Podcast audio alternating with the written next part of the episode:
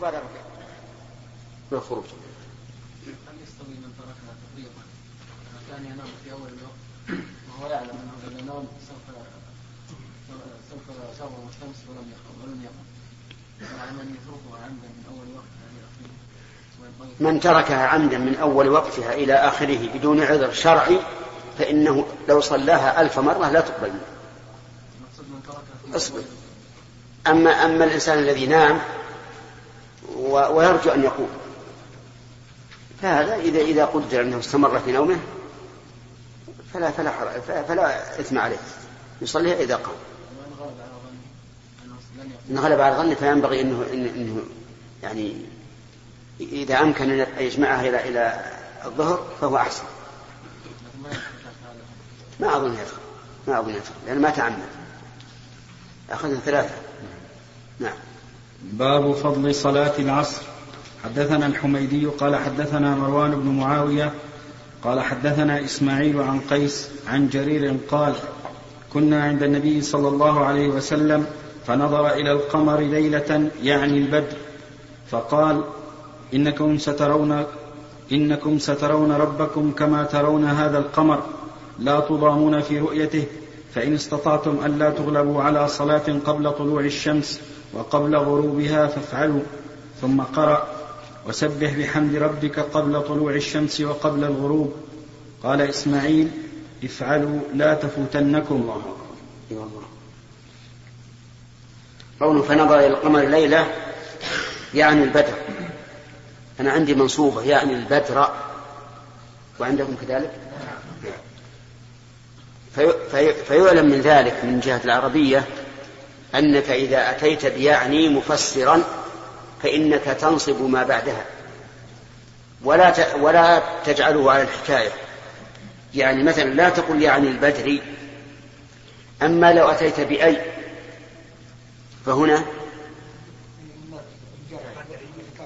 تكون البدر لأن أي لا تعمل فهي تفسيرية. وكثير من الناس نسمعهم من لهم طلع في العلم. إذا أتوا بمثل هذه العبارة يقول يعني البدري يريد على الحكاية. وليس كذلك لأن هذا الفعل تسلط على ما بعده فيجب أن يكون منصوبا. قوله صلى الله عليه وسلم إنكم سترون ربكم كما ترون القمر. هذه المسألة مما اختلف فيه أهل السنة مع أهل البدعة. فأهل البدعة يقولون إن الله لا يرى أبدا وإنما هذه الرؤية رؤية القلب وهي كناية عن اليقين. وأما أهل السنة فيقولون إن الله يرى. وقال بعضهم نسأل الله أن يحرم من أنكر رؤيته أن يراه. وأفضل نعيم أهل الجنة هو رؤية الله عز وجل. نسأل الله لا يحرمنا وإياكم منها. هم يقولون إن الله لا يرى مع أن القرآن واضح صريح. والأحاديث تكاد تكون متواترة بل هي متواترة. كما قال مما تواتر حديث من كذب ومن بنى لله بيته واحتسب ورؤية شفاعة والحوض ومسح وهذه بعض. فهو يرى سبحانه وتعالى رؤية حقيقية. فإن قال قائل كيف تمكن رؤيته؟ وقد قال موسى رب أرني أنظر إليك. قال لن تراني ولكن انظر إلى الجبل فإن استقر مكانه فسوف تراني. فلما تجلى ربه للجبل اندك الجبل ولم يستقم لرؤية الله عز وجل. قلنا أحوال الآخرة لا تقاس بأحوال الدنيا. أليس الناس يقفون موقفا واحدا في يوم واحد قدره خمسون ألف سنة. وهل في أجساد الدنيا ما يمكن أن يقاوم هذه هذا الوقوف؟ لا يمكن أبدا. أليس الشمس تدنو منهم مقدار ميل ولا ولا يفترقون. لو دانت الشمس الآن من, من أوجها مقدار شعرة كما يقول علماء الفلك لا أحرقت الأرض. أليس الإنسان في الجنة ينظر إلى ملكه مسيرة ألفي عام. وينظر أقصاه كما ينظر أدناه. وهل يمكن هذا في الدنيا؟ لا يمكن. إذن رؤية الله في الآخرة ممكنة لأن أحوال الآخرة لا تقاس بأحوال الدنيا. وإلا فإن الله تعالى فإن الرسول صلى الله عليه وسلم يقول حجابه النور لو كشفه لأحرق السبحات وجهه ما انتهى إليه بصره من خلقه. ويوم القيامة يكشفه ويراه أهل الجنة ولا يحرق الجنة ولا أهلها. فلكل مقام مقام والآيات التي تدل على رؤية الله عز وجل في القرآن أربع. منها قوله تعالى للذين أحسنوا الحسنى وزيادة. الزيادة فسرها أعلم الناس بكلام ربه رسول الله صلى الله عليه وعلى آله وسلم فقال هي النظر إلى وجه الله. وبعد تفسير الرسول لا يمكن أن يعارض, أن يعارض أحد إلا من كفر بالرسول. الآية الثانية قوله تعالى وجوه يومئذ ناظرة إلى ربها ناظرة. ناظرة بالضاد. والثانية إلى ربها ناظرة بالضاء. الأولى من الحسن والثانية من النظر. وهذا نظر العين وليس نظر القلب لأن الله تعالى أضافه إلى الوجوه والوجوه هي محل الأعين. فكيف ننقل النظر هنا إلى القلب وهو ليس مذكورا في الآية؟ الآية الثالثة قول الله تبارك وتعالى لهم ما يشاءون فيها ولدينا مزيد فقد فسرها كثير من السلف بأن المراد بالمزيد النظر إلى وجه الله. بناء على التفسير الذي فسره الرسول صلى الله عليه وعلى آله وسلم في قوله تعالى إيش؟ للذين أحسنوا الحسنى وزيادة. قال المزيد هذا هنا هو المزيد هناك هو الزيادة هناك. الآية الرابعة قوله تبارك وتعالى على الأرائك ينظرون. فهنا حذف المفعول. مفعول ينظرون. فما هو؟ نقول الآن كونهم على الارائك هذه جلسة سرور وفرح وانبساط. ولا ولا أسر ولا أفرح من أن ينظروا إلى إلى الله عز وجل.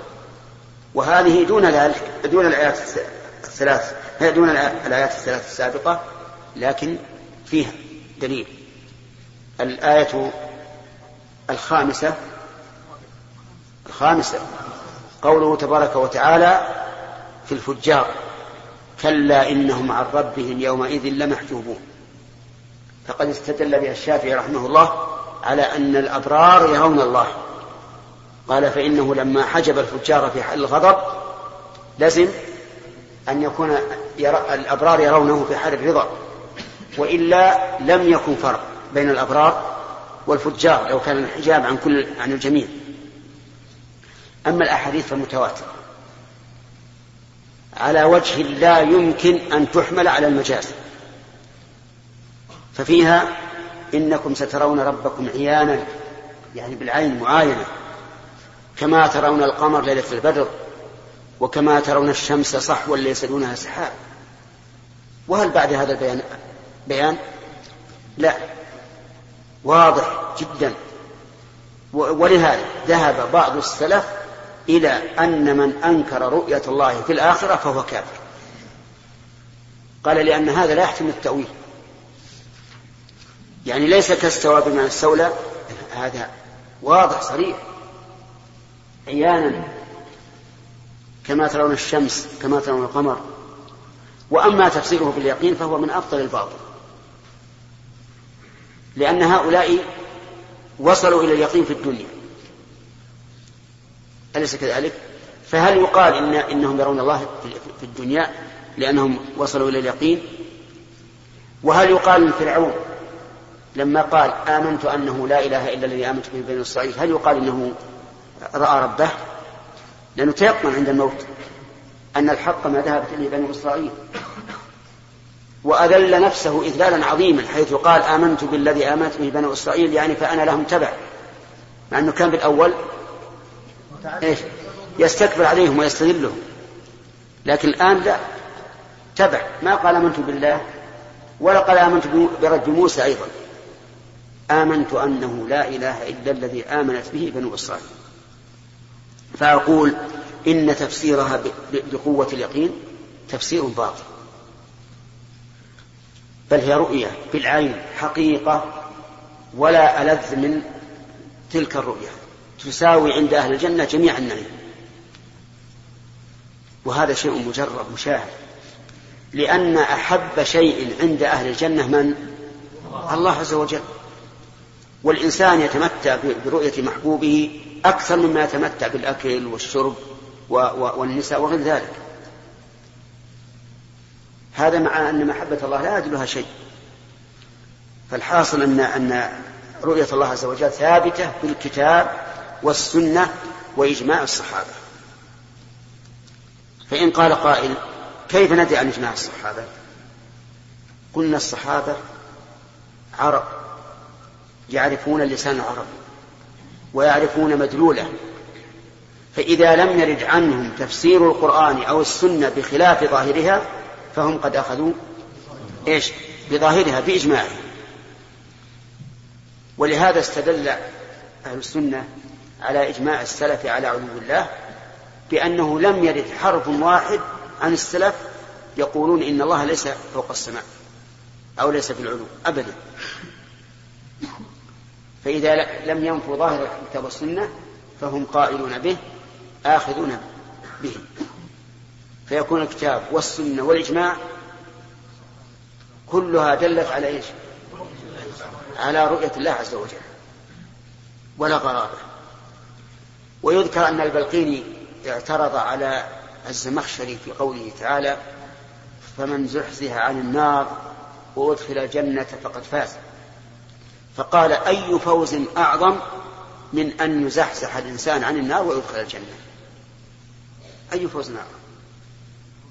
يقول البلقيني إنه أراد بذلك نفي الرؤية. نفي الرؤية. والحقيقة أن كلامه هذا لا يدل على نفي الرؤية لأن نعيم الجنة من جملته إيش؟ الرؤية. لكن لما علمنا أن أن صاحب الكشاف الزمخشري معتزل وأنه جيد في حبك الكلام ولذلك يجب الحذر من كلامه فيما يتعلق بالصفات. لأنه جيد جيد كما يقول الناس أنه عفريت مرة. يعني ما يعرف نواياه إلا إنسان متمرس وجيد. ومعروف على الكتاب وزنها اللغوي والبلاغي أن كل من بعده فهم عيال عليه. ولذلك أحيانا يأتون بنص العبارة التي هو يفسر بها القرآن. كما في أبي السعود والبيضاوي وغيرهم. نعم. الحاصل أن من عقيدتنا إيش؟ الإيمان بأن الإيمان بأن الله تعالى يرى في الآخرة بالعين. رؤية حقيقية وأنها أعظم نعيم لأهل الجنة وأسأل الله أن يجعلنا وإياكم منه. آمين نعم. طيب صلاة قبل طلوع الشمس وصلاة قبل غروبها. التي قبل طلوع الشمس ما هي؟ الفجر. والتي بعد غروبها قبل غروبها العصر.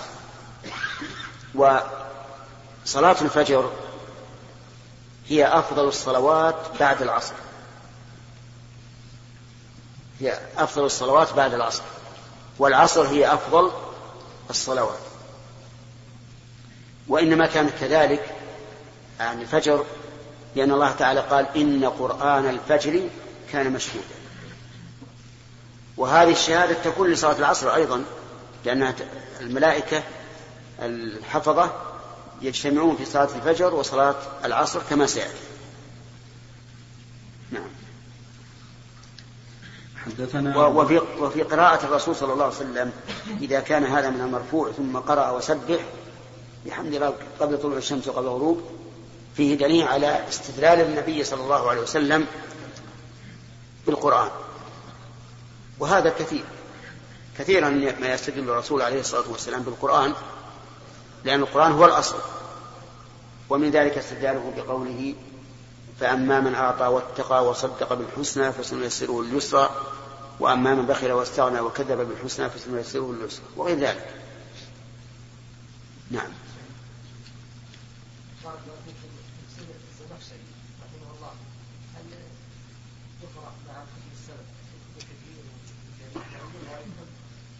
يعني يقرأ على على على من؟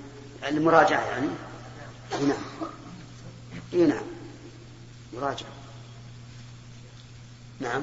بارك الله فيكم. استدل من نفى صفة الرؤيا لله تعالى بقول الله لموسى لن تراني. نعم. وقال ان هذا نفي. نعم. وكذلك قول الله تعالى لا تدرك الأبصار. نعم. فكيف نرد عنه؟ طيب. أما استدلاله بقوله لن تراني فلا دليل له. لأن معناها لن تتمكن من رؤية الآن. ولهذا قال انظر إلى الجبل فأعطاه آية. وسؤال موسى للرؤية يدل على أنه ممكنة.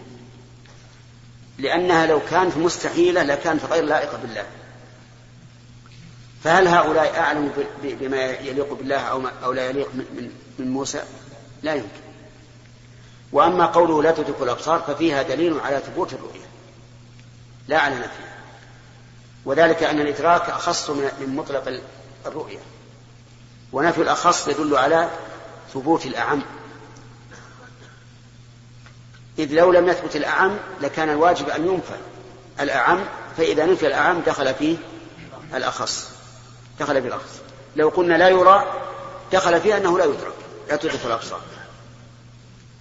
فلو كان هذا هو المراد لقال لا يرى لا تراه الأبصار. لما قال لا تدركه علم أن الأبصار تراه ولكن لا تدركه. ففي الآيتين رد عليهم على أهل الباطل. وهذا مما يؤيد كلام الشيخ الإسلام رأيته جيدا. في أول درء تعارض العقل والنقل. قال ما من إنسان صاحب بدعة أو باطل يستدل بآية أو حديث صحيح إلا كان هذا الدليل دليلا عليه وليس له. نعم. لأنه إذا استدل به لباطله صار فيه رائحة رائحة من من هذه المسألة. ومعلوم أنه لا يمكن يدل على باطل.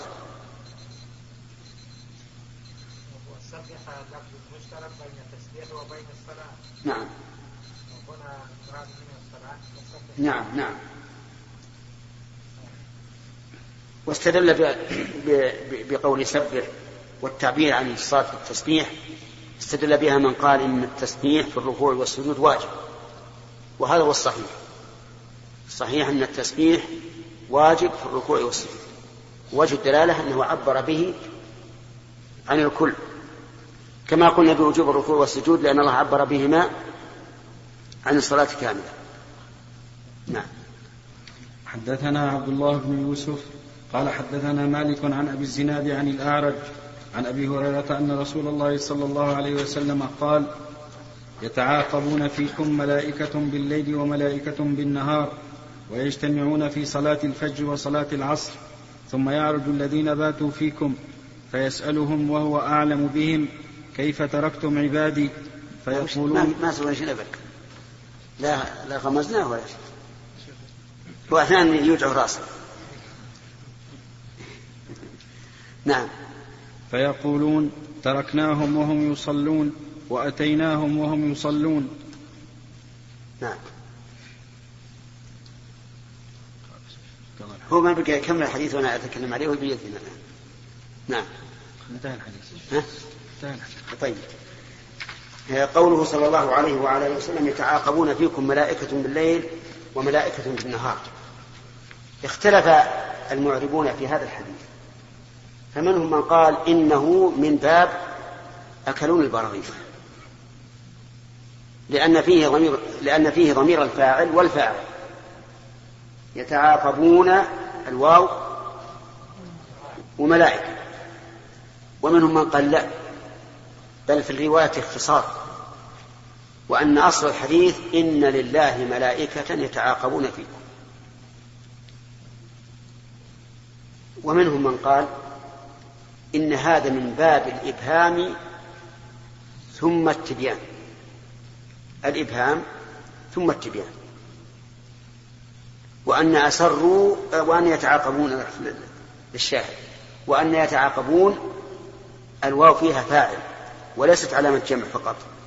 الواو فاعل وملائكة وملائكة بدل أو عطف بيان. وهذا كقوله تعالى وأسروا النجوى الذين ظلموا أسروا النجوى الذين ظلموا. أسروا نعربها على لغة أكلو أكلوهم ببرايث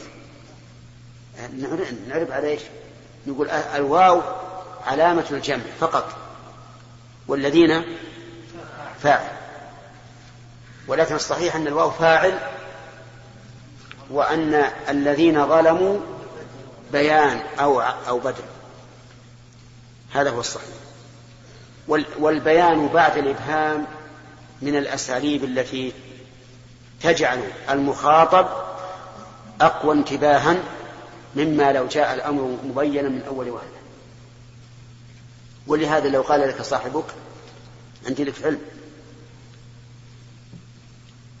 الآن أنتم شو وشوا قال عندي لك علم. وشو قال أعلمك.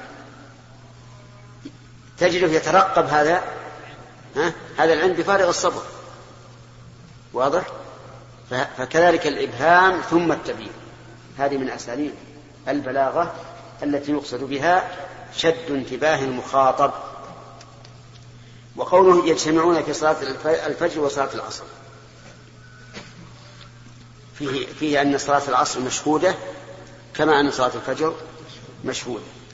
ثم يعرج الذين باتوا فيكم فيسألهم وهو أعلم بهم كيف تركتم عبادي إلى آخره إذا قال قائل إذا كان الله تعالى أعلم بهم فلماذا يسألهم؟ قلنا إظهارا لشرفهم وتنبيها على علو مرتبتهم أن الملائكة تنزل إليهم في صلاة وتصعد إليهم في صلاة. نعم. وقوله وهو أعلم بهم أعلم هنا هل هي على بابها أي اسم تفضيل؟ أو بمعنى اسم الفاعل. ها؟ الأول. اسم تفضيل. والعجب أن بعض العلماء يقولون كلما جاء كاسم التفضيل فيما يتعلق بصفات الله فهو بمعنى اسم الفاعل. لأنك إذا جعلته باسم التفضيل شركت بين صفة الله وصفة المخلوق. شوف كيف. ولكن هذا تعليل عليل. بل هو ميت. لأنه لأنك إذا قلت هو عالم والآخر عالم المخلوق عالم فهنا شركت بينهم على وجه المماثلة. لكن إذا قلت أعلم شركت بينه وبين العالمين في العلم لكن فضلته على ذلك. فضلته عليهم فصار وصفه بأنه أعلم أفضل من أن من وصفه بأنه عالم. فتجد هؤلاء فروا من شيء ووقعوا في شر منه. وكل هذا سببه العدول عن ظاهر القرآن والسنة. والله موفق نحب أن نسأل عما سبق. هل رؤية الله سبحانه وتعالى ثابتة بالنص والإجماع؟ أم أم لا؟ السؤال لأيوب أي نص هو؟ أما في القرآن والسنة في القرآن الله تعالى ويسجدون من ناظرة لربها ناظرة في السنة السنة آه، حديث آه، حديث ابن سعيد الخدري وحديث أنس هي متواترة في البخاري آه، يقول يقول النبي صلى الله عليه وسلم ترون ربكم آه، لا ت- آه، سأل سأل النبي صلى الله عليه وسلم هل نرى ربنا من القيامة؟ قال ورد وأرنا في رؤيتك ما ترون القمر في ليلة البدر؟ نعم. الإجماع فؤاد.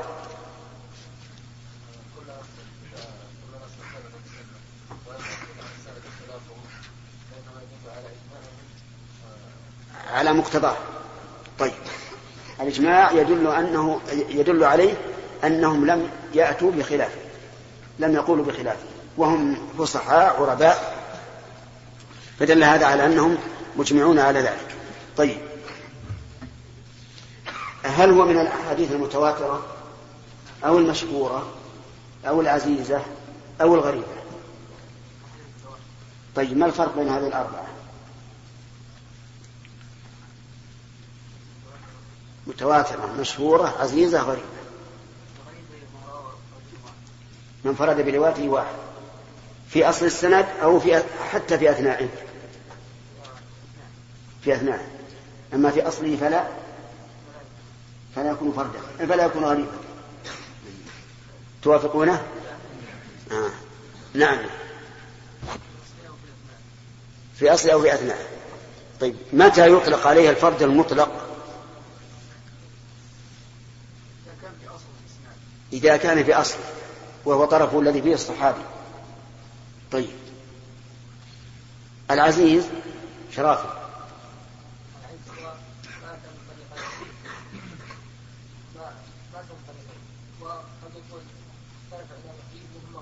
دعنا ما بعد طلب الاختلاف. العزيز ما رواه اثنان فقط. فأكثر إذا قلنا فأكثر معناه أنه حتى المتواتر. ما ما رواه اثنان فقط. يعني بحيث لا تنقص الرواة عن اثنين. طيب. المشهور سامح.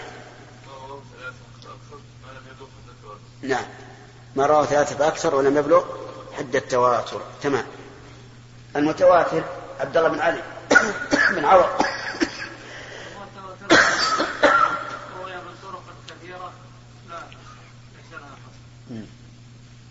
يعني رواه جماعة. يستحيل في العادة. وأسندوه إلى أمر محسوس. بارك الله فيه طيب. ما هو الذي يغلب عليه الضعف من هذه الأقسام الأربعة؟ عمر. الغريب. وهل يمكن أن يكون صحيحا؟ ممكن كحديث إنما لا مال بالجهة بارك الله طيب. نحن لا حرج لا ضير عليكم إذا تعرضنا لمثل هذا من علم المصطلح لأنه يذكر الناس ويعلم الجاهل وإلا نحن ما ذكرناها الشرح طيب. أنكر قوم رؤية الله. فما شبهتهم من الأثر والنظر؟ من الأثر والنظر. شبهتهم من الأثر آه، قول الله تعالى آه، لموسى لن تراني. هذا واحد. آه، كذلك لا تدرك الأبصار وهو يدرك الأبصار. نعم. ومن النظر قال إنه يعني يلزم من ذلك أن أن لا يكون في جهه وقول الرسول هل رأيت ربك نور أن أراه؟ طيب. ومن النظر أنه قال يلزم من ذلك ان ان يكون الله أن يكون الله في جهة. في جهة. والله منزه عن الجهة لأنه لو كان في جهة لازم أن تحيط به. طيب هذا وغير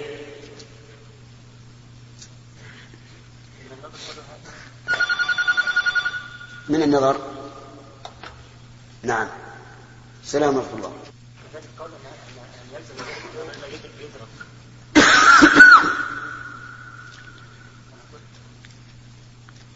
يلزم أن يكون جسما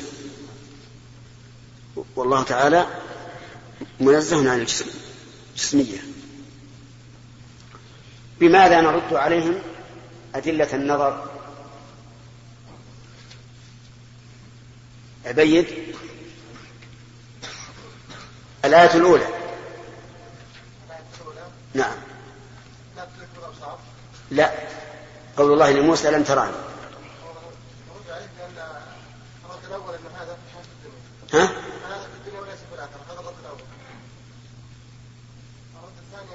وجل قال وموسى سال ربه ولو كانت الرؤيا سال موسى ربه ما لله من المقام.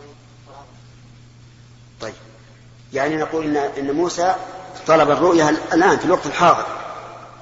بدليل قوله ولكن انظر إلى الجبل فإن استقر مكانه فسوف تراه. طيب.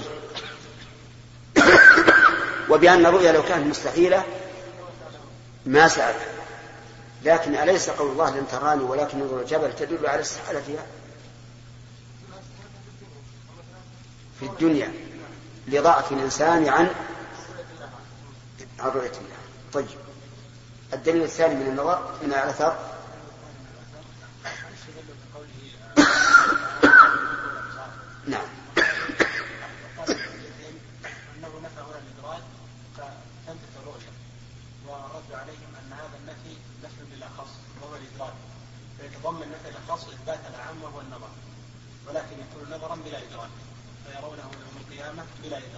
إذا هذه الآية فيها دليل على عليهم لا على ثبوت الرؤية لا على انتفاعها وهذا واضح الدليل من السنة نعم ابن داود.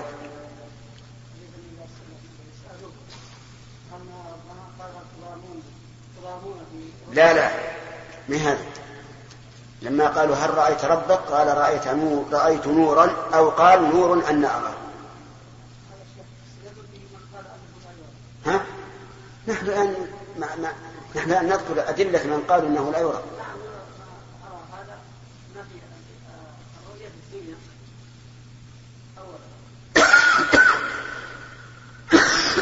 لأنه لأنهم سألوه عن رؤية ربه في الدنيا. فقال رأيت نورا طيب بارك الله فيك. الدليل النظري نعم وهو نعم. إيه رأيت نورا يعني الحجاب. نعم. النظري. يلا محجوب.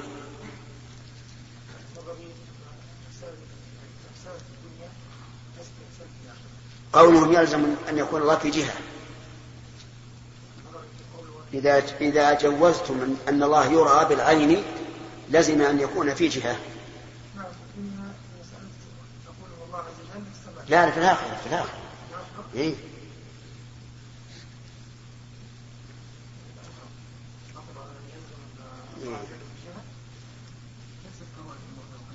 لا لا نعم نقول اولا ماذا نتعلم بالجهة؟ يكون شيء محدود هذا معنى باطل. وان كنت بدون جهه انه يكون جهة الفوقيه فهذا حق مثبت. نعم جميل. وممكن أيضا كذلك شيخ أن اللفظ الجهه هذه لم ترد عن السلف فلم يستعملها. إذا نقول نحن ننازعكم أولا في الجهة هل جاء في الكتاب والسنة وكلام السلف نفيها أو إثباتها لا بهذا اللفظ ما جاء ثانيا أن نقول ماذا تعنون بالجهة؟ أتريدون جهة تحيط بالله عز وجل؟ فهذا مستحيل. لأنه ما ما ثم في العلو المطلق إلا إلا الله عز وجل. ليس شيء محاذ لله في ذلك العلو المطلق ولا محيطا بالله عز وجل. علو مطلق فضل ما في شيء. فهو جهة فهو في جهة العلو لكن لا يحيط به شيء. إذ أنه لا يحاذيه شيء من المخلوقات. علو مطلق لا نهاية له. إذا أردتم الجهة بهذا المعنى فهي إيش؟ حق وثابتة. ولا تستلزم نقصا لله بأي حال من الأحوال. وإن أردتم بالجهة ما يحيط بالرب عز وجل فهذا لا نسلم لا نسلم أنه لازم من إثبات الرؤية. إذ يرى وهو في جهة لا تحيط به. وهذا جائز عقلا وهذا ما يراد به ما يراد سمعا. طيب. الجسم؟ أحمد. نقول في الجسم كما قلنا في الجهة تمام؟ نعم. فنقول أن هذا اللفظ لم يرد به. مفيش فنقول أن هذا اللفظ لم يرد لا في الكتاب ولا في السنة ولا عن السلف أحسنت نعم. ونقول كذلك. نعم أنكم إن قصدتم بالجسم أنه أجزاء يختلف يفتقر يفتقر بعضها إلى بعض هذا مقصود وهذا الله عز وجل قمته عنه وأن أردتم بالجسم أنه ذات حقيقية فهذا حق وصواب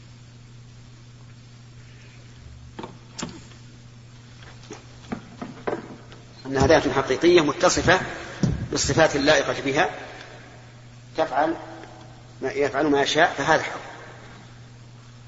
ولا مانع من ذلك. واعلموا أن مثل هذه الكلمات الحيز والجهة والجسم والعرض وما أشبه ذلك كلها كلمات محدثة. أراد بها المتكلمون التوصل إلى نفي ما وصف الله به نفسه أو وصفه به رسوله. ولهذا لما قال السفاريني رحمه الله في عقيدته وليس ربنا بجوهر ولا جسم ولا عرض تعالى ذو العلا. انتقدوا عليه. قالوا هذا النفي يحتاج إلى دليل. وأبدله شيخنا رحمه الله بقوله ليس الإله مشبها عبيدة في الوصف مع أسمائه العديدة. فكانت بيتا ببيت لكن فرق بين هذا وهذا. طيب أطلنا في هذا لأن المقام يقتضي ذلك. وإلا فنحن في أوقات الصلاة لكن المقام يقتضي هذا. والجادة التي يجب السير عليها أن كل أمور الغيب يا إخوان يجب علينا أن نؤمن بها على ظاهرها. لأنها فوق فوق ما نتصور فوق إدراكنا من يدرك أن الأرض تمد مد العديم وأن الناس كلهم بما فيه الدواب والحشرات وغيره والملائكة تنزل ملائكة السماء في هذه الأرض ويقول الرسول عليه الصلاة والسلام يسمعهم الداعي وينفذهم البصر. من يتصور هذا؟ من يقول هذا ممكن؟ ثم من يتصور أن يبقى الناس خمسين ألف سنة لا يشربون ولا يأكلون ولا ينامون؟ من يتصور هذا؟ ثم من يتصور أن الشمس تدنو منهم على قدر ميل إما ميل النكحة ميل المكحلة أو المسافة وأيا كان ستكون حرارتها عظيمة لكن الإنسان تطيق. فأمور الغيب غيب يجب أن نؤمن بها على ما جاءت. ولا نضرب بعض ولا نضرب بعضها ببعض. مثلا لما قال النبي عليه الصلاة والسلام إن الله خلق آدم على صورته ضج بعض الناس وقال هذا حديث منكر وأنكره. وبعض الناس أوله يعني حرفه في الحقيقة. قال إن الله خلق آدم على صورته أي على صورة آدم. هل هل ترون لهذا معنى؟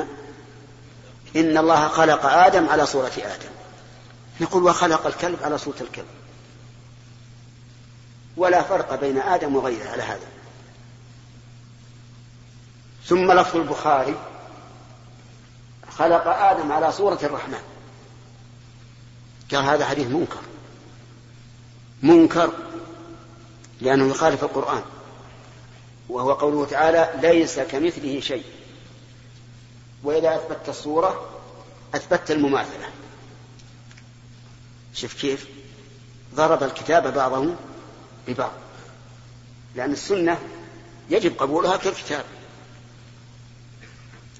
لكن ما علم أنه لا يلزم من كون الشيء على صورة الشيء أن يكون الشيء مماثلا للشيء.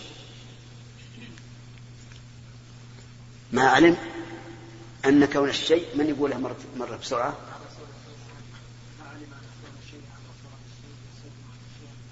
خطأ.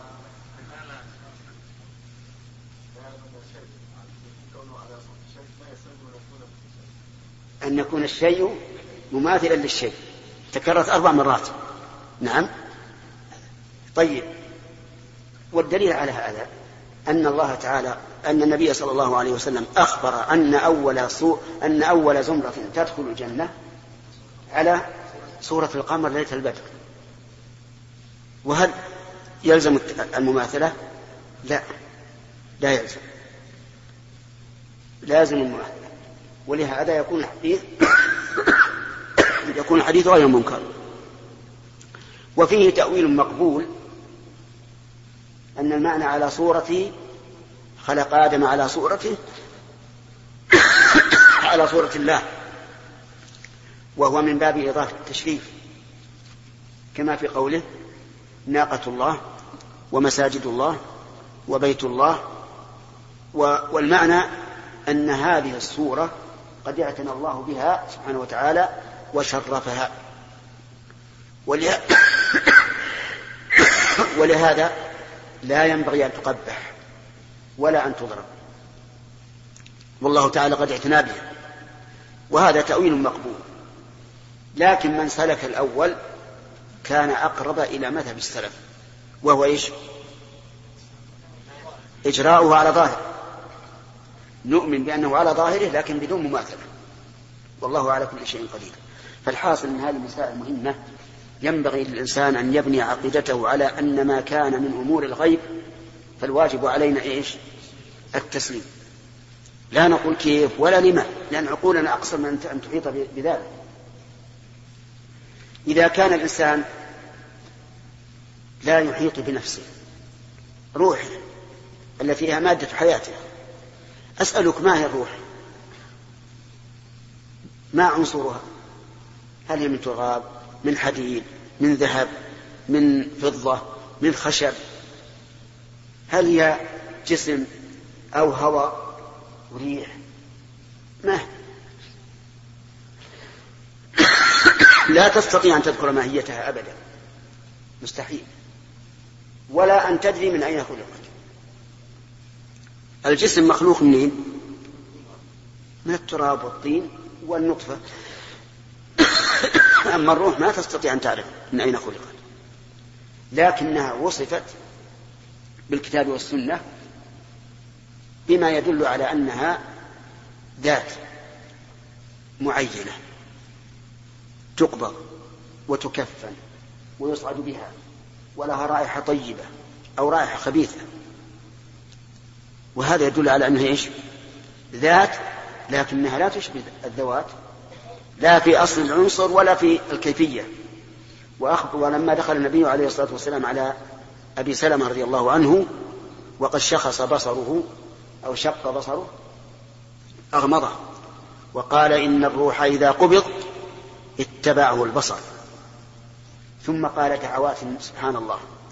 قال اللهم اغفر لأبي سلمة وارفع درجته في المهديين وافسح له في قبره.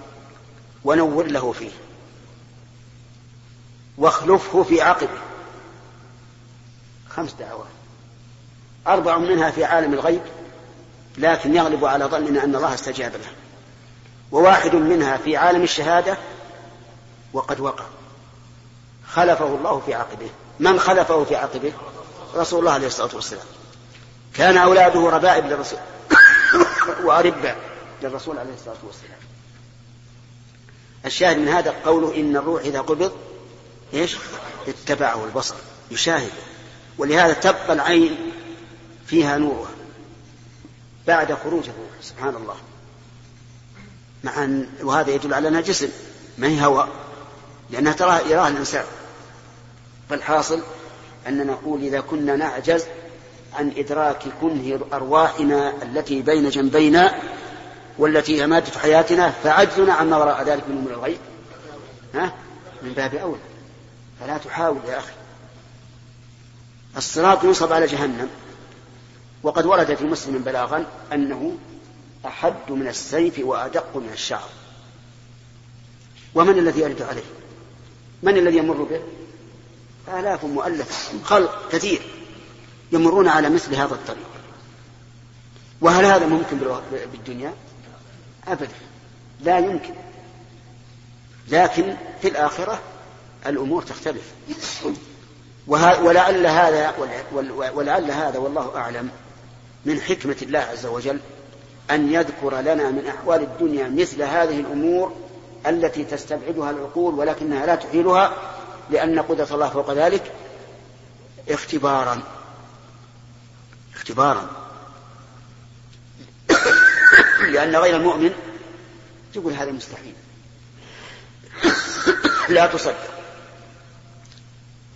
يؤتى بالموت يوم القيامة على صورة كبش. أبيض. ويقال لأهل الجنة يا أهل الجنة ويا أهل النار فيطلعون ويشتعبون أما أهل النار فيرقبون زيادة في السرور. لا أما أهل الجنة فيرتقبون زيادة في السرور. وأما أهل النار فيقول لعلنا ننجو. كلمونا لعل فيه خروج. فيقال لهم جميعا هل تعرفون هذا؟ فيقولون نعم هذا الموت. الموت الذي أصاب كل أحد. فيذبح بين الجنة والنار ويقال يا أهل الجنة خلود ولا موت ويا أهل النار خلود ولا موت. طيب الموت معنى من المعاني. ويجعله الله عز وجل جسما وعينا من الأعيان. والله على كل شيء قدير. وهكذا يقال في الأعمال الصالحة. توزن في الميزان كما قال الرسول عليه الصلاة والسلام كلمتان حبيبتان إلى الرحمن خفيفتان على اللسان ثقيلتان في الميزان. سبحان الله وبحمده سبحان الله العظيم. وهي عمل. ما هي أجسام؟ لكن تخلق أجساما. تخلق أجسام. والله على كل شيء قدير. أحببت أن آتي بهذه الأمثلة لتقرير القاعدة التي ذكرناها. أن أمور الغيب يجب علينا فيها التسليم. وقدرة الله عز وجل لا تدركها عقولنا.